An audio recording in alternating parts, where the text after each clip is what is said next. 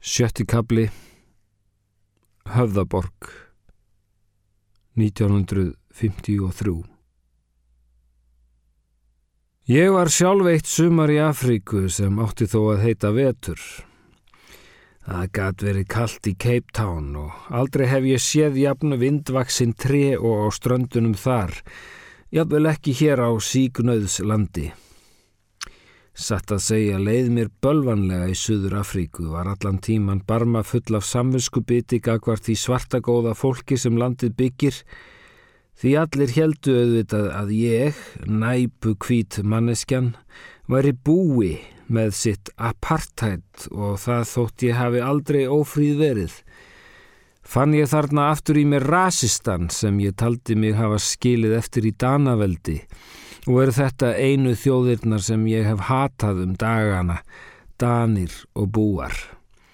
Þá fyrrnemdu fyrir bauna hrókan sem bytnaði á barninu mér og þá síðarnemdu fyrir allan sinn heimskunna viðbjóð sem er skilstað viðgangist enn, þrátt fyrir öll góðvona verk heilags Mandela.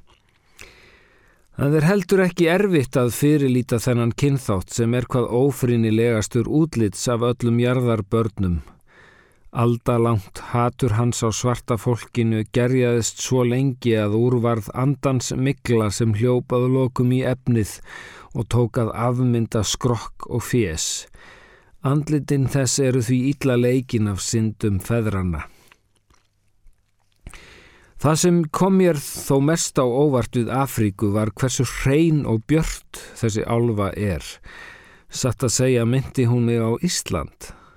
Að aka malarveg í krúker þjóðgarðinum var líkast því að hlikkjast um kjarvegin á þingvöllum en garðurinn sá er það sem kallað er dýragarður án rimla og er mönnum frjálst að aka um ljónabyðurnar en frálagt að veifa híinu út um opin glugga nema þeir vilji losna við handlegg.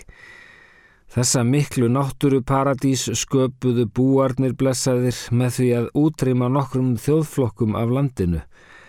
Já, til að kvíti maðurinn fengi séð skeppnur sem eru honum grimmari var þann fyrst að geta nokkra svarta. Þetta var þó indislegt sumar. Bob var ennþá skemmtilegur. Hann var einn af þessum mannum sem eru stórkostlegir í sex mánuði en óþólandi eftir það og tóst að selja mig í myndatökur smjör tungunni að tarna. Ég gerðist ljósmynda mella í tvær vikur og sængaði hjá keksi og hjólbörðum fyrir ágætan auður. En það mun marg sannað að hlutir seljast betur sé þeim stilt upp við hliðin á eldstu og bestu sölufuru heims. Starfið fjall mér stórilla og ég þvertók fyrir fleiri tökustundir að berlærast þetta utan í hlýðum Table Mountain en var þó að viðurkenna tilhugsunin um fótleiki mína sem frigðar vaka og dekja verstæðum siðst í Afríku kýtlaði kvenlegan hegóma um leið og hún ofbauð mér sem hugsandi veru. Og kemur hér eitt höfuð vandamál kvenlífsins. Við viljum að á okkur sé horft erðnalöst en líka að á okkur sé hlustað augnalöst Við viljum fá að hlaupa frjálsar um en líka að augu og linsur eldi okkur að minnstakosti á meðan æskur róðin endist.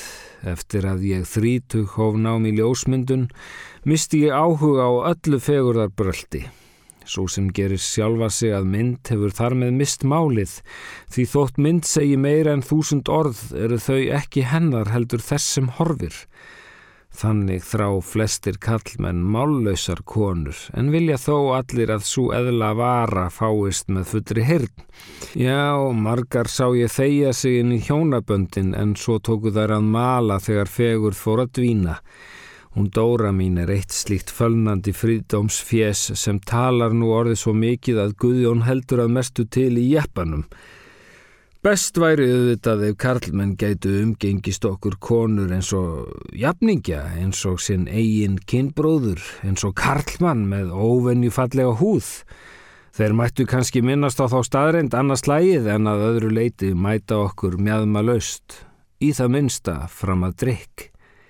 En ekki dætt mér í hug þegar ég var borin af bob mínum á milli barana í Höfðaborg, fekk bónorðin þrjú á skipsfjölsunan miðböks, eða sati í faðmi fjölskyldunar í stórbóði á besastöðum með augun rýmd á Marlene Dietrich að ég ætti eftir að enda æfina alein og yfirgefin í illa upphyttuðum bílskur utan í grensásnum, kotta mikluð og ótilgreitt með tölvu garma á sænginni og dauðans krumlu á aukslinni. Sjöndi kapli Svefnæjar 1929 Ég er sem sagt fætt í mánagutunni á Ísafyrði þann 9. september árið 1929.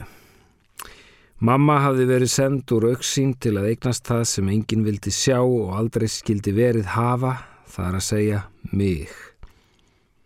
Það voru aldurstakmörk á ingöngu í föður fjölskylduna fínu og fyrstu sjö árin mín voru við mamma einar saman í vinnumennsku hjá Eisteini Bonda í Svefnegjum og konu hans Ólínu Sveinsdóttur úr Hergilsei.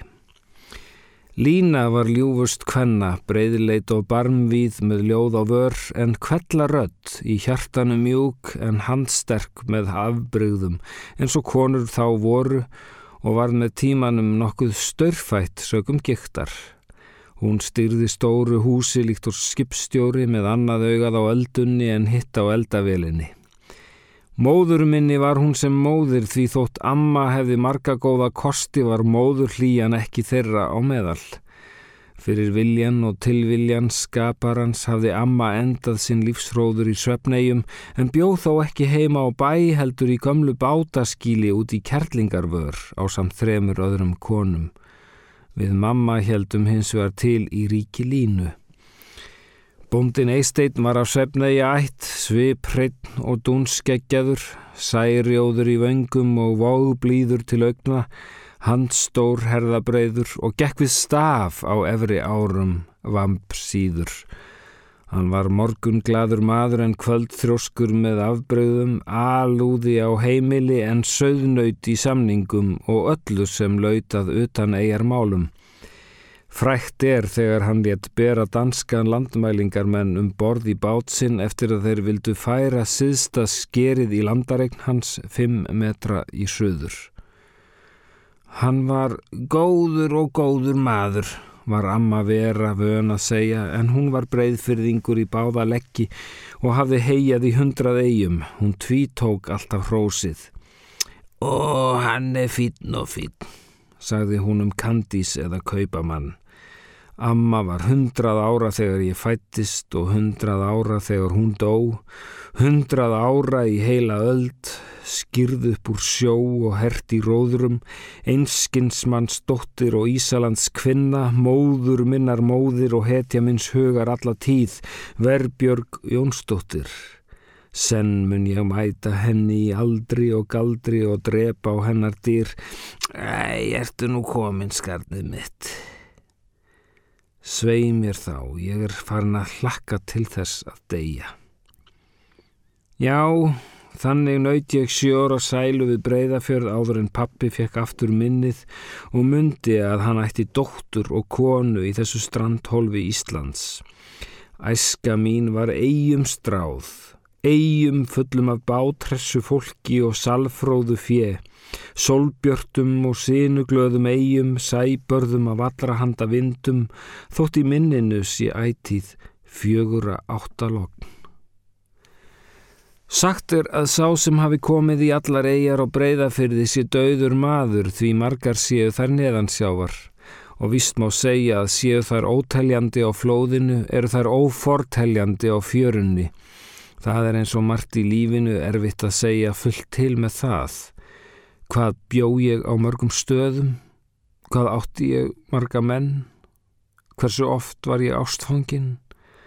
Hver munuð stund er eiga í djúpi tímans, sagði einhver skaldinn og sé breyðafjörðurinn lífmitt eru eigjar hans þeir dagar sem ég man og trilla nú á milli á mínu sængur flegi með þeim nýtísku utanborðsmótor sem tölva kallast. Duggu, duggu, tugg. Áttundi kapli, Líin B.A. 112, 1935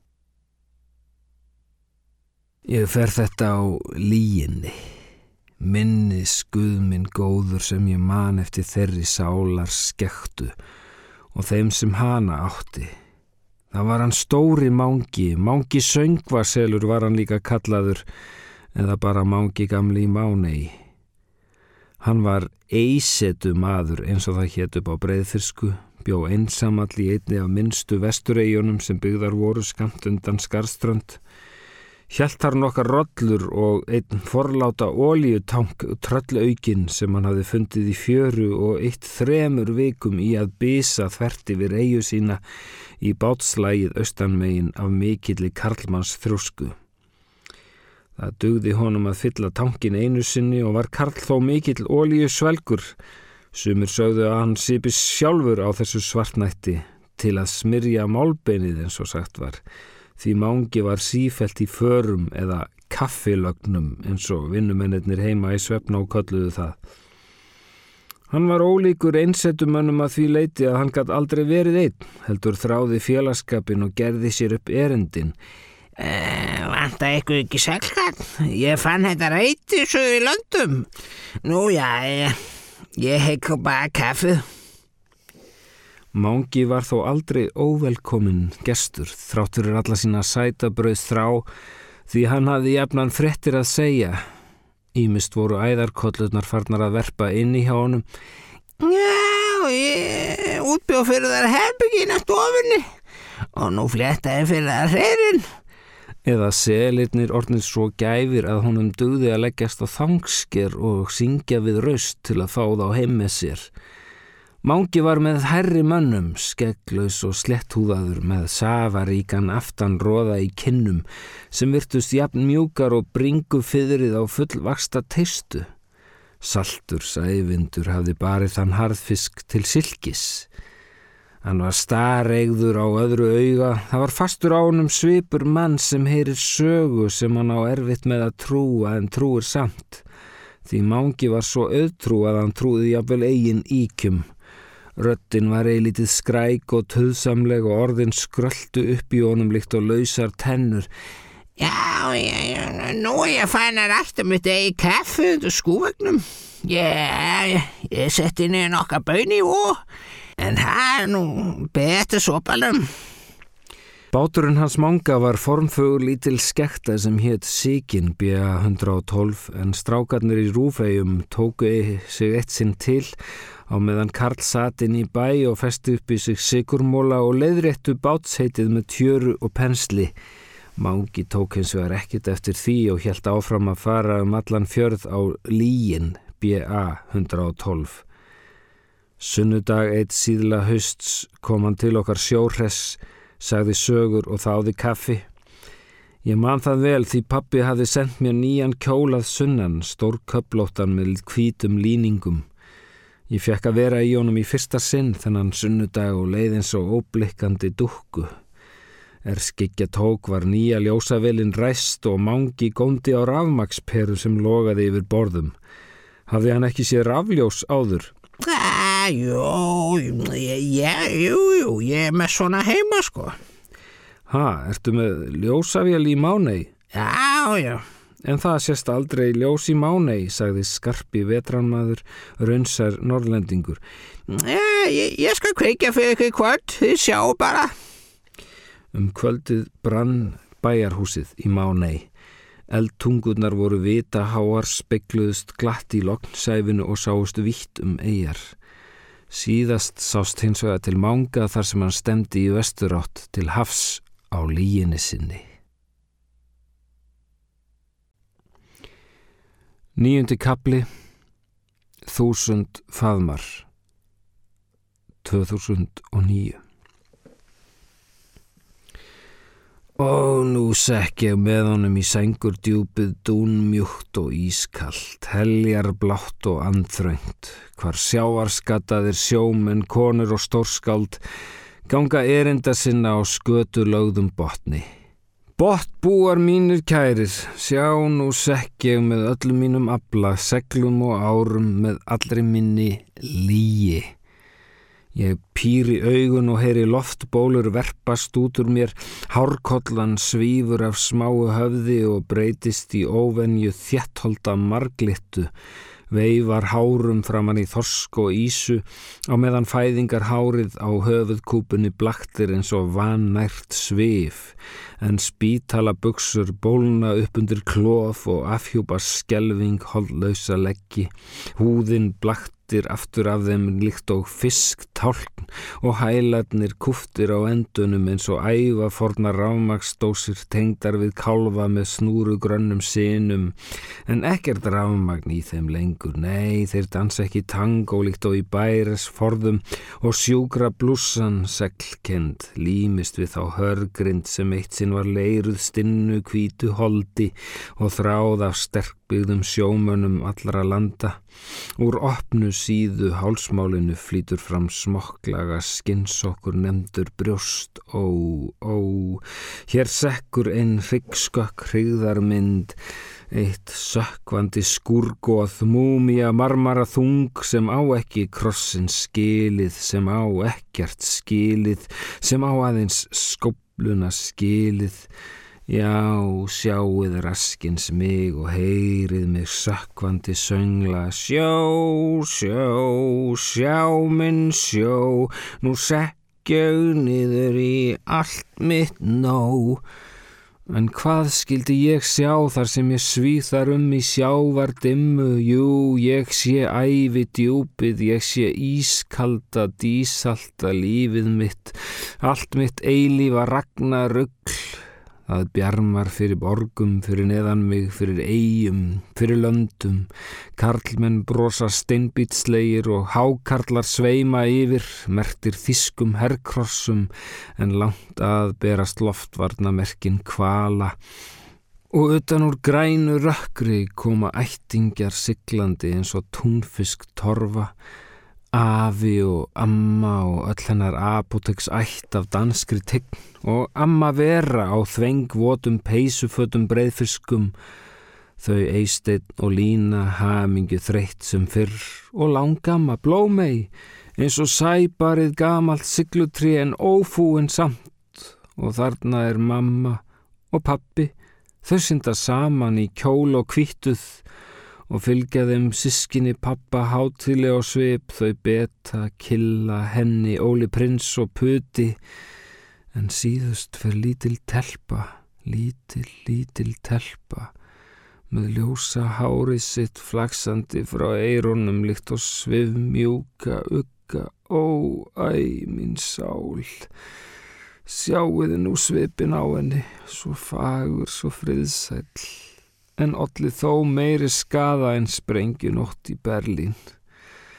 Þau líða hjá svo endislega samtorfulega svip eins og sofandi sálir í verki eftir hann þarna norska kunstmálaran sem kaupa vildi skotúsvegin en ég neytaði að selja fannst hann bara allt og hann var bara allt og rótin til fara. Ég gæti ekki hugsa mér af óþvegin maður myndi spranga þar norskur og neðanberum áratuga heimili fóreldrar minna.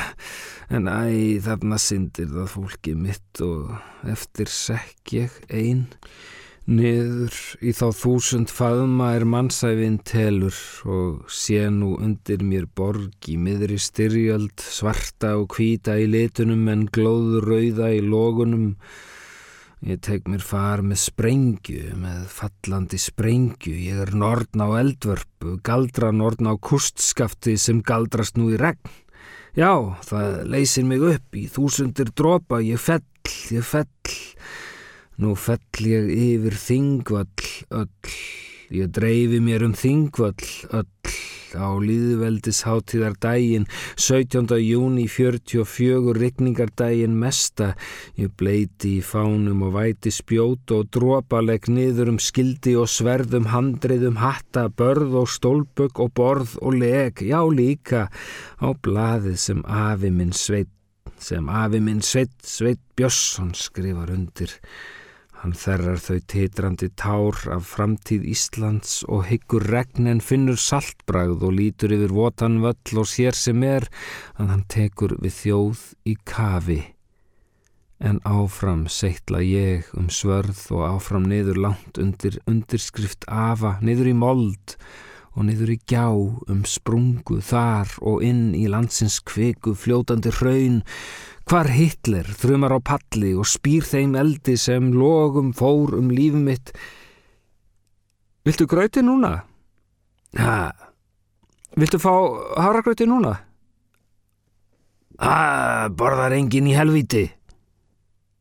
Hæ? Það þarf engin að borða í helviti. Herra mín? Ég er engin herra. Uh, Herbjörg? Ég heiti Blómei. Blómei mín, hér, er hafragauturinn þinn, viltu að ég hjálpi þér? Það getur engin hjálpað mér. Viltu þá borða sjálf? Þú þarfst að borða. Hver segir það? Við þurfum alltaf að borða. Þú ert bara að byrla mér þessu svo ég þurfu að skýta. Þú ert endilega að láta mig skýta. Svo þú hafið eitthvað að gera. Að þrýfa undan mér. Það er það eina sem þú vilt og vilt. Ég vil ekki þurfa að skýta. Ég er búin að skýta nóg. Ég er lafandi, drafandi móða þessari ræðu lokinni. Eh, herra mín. Blómei! Blúmeninsel! Das Blúmeninsel in Breitenfjord, das bin ich! Ég skil ekki þísku, þú veist það. Þú skilur ekkert. Hún horfir á mig þessa kattarkvæsis konu, þetta rukkudómsdýr með porralegt parruk og þeir um stund með grautardiskin í höndunum eins og heimskan sjálf með augabrýr. Ég á betra skilið, fjandin hafið að ég á svo miklu betra skilið. Ég held ég fengi að minnst okkosti að deyja í eigin rúmi, jáfnvel með því sem kallað er mínu fólki. En strákarnir virðast ekki vita hvort verið sé að klæða mig eða krifja. Þeir virðast ekki gera sig grein fyrir því að til þess að koma þeim í heiminn þurfti eitt stykki móður. Þeir hefðu aldrei komist þetta af sjálfstáðum. Nei, það þurfti eina gleiðskapa kláflóðuna móður til að þrýsta þessum króar sem framgöngin og út í ljósið. Heiðrar skaltu föður þinn og móður, hétt það einhver staðar, en hver mann eftir svoleiðis rítmáli á tölvuöld. Nú hef ég ekkert heyrt frá þeim nýr þeirra spen síðu spúsum í þrjú heil ár, ótt ég hafi nú reyndar mína leiðir til að fylgjast með þeim. E, þú, þú ert kannski ekkert svöng. No estoy cinco años. Ha? Ég er ekki fimm ára. Uh, á ég kannski að taka tölvuna svo þú getur borðað hann sjálf á armborðinu? Armborðinu? Nei, armborðinu. Þetta er kallað armborð upp á spítala. Ekki tala um spítala. Ég, ég er ekkit á einhverju spítala hérna. Nei, nei, ég veit, segir hún og hækkar fyrir mig höfðalægið, alls óum beðin og lagar kotta, liftir sæng og kemur þá auga á stríðseggir. Árans kæruleysi, ég glemdi að ganga frá því. Hún tekur það upp undan sænginni. Gæti ég enþá ráðunað, gerði ég það nú. Hvað, hvað er þetta? spyr hún. Þetta, þetta, þetta er, þetta er, skal ég segja, skal ég þeir segja, svo kallaður kælibolti sem ég á síðan á spítölunum í, í gamlu den. Já, hún gengir þessu saklaus megin og gengur frá gripnum í náttborðskúfu líkt og hæglátur leikmunavörður. Ég næ mér aftur á streik. Þú verður að leipa upp á þig, ekki viltu verða miklu mei. Ég veit að þú er búin að segja mér það. Ekki barnar hún mamma þín þig? Nei, ég veit. Ég get útvöðir pilta. Hvernig líst þér á hann bakara minn? Mm, ég held ég vil nú frekar einhvern íslenskan. Uss, þetta eru tómir trefiskar. Það er um að gera blanda blóðinu. Lóan á að ganga að eiga pelikana, þá verður eitthvað nýtt. Lóan býður vorsins og eftir þeim eina rétta. Já, þú ert skinu skeppna.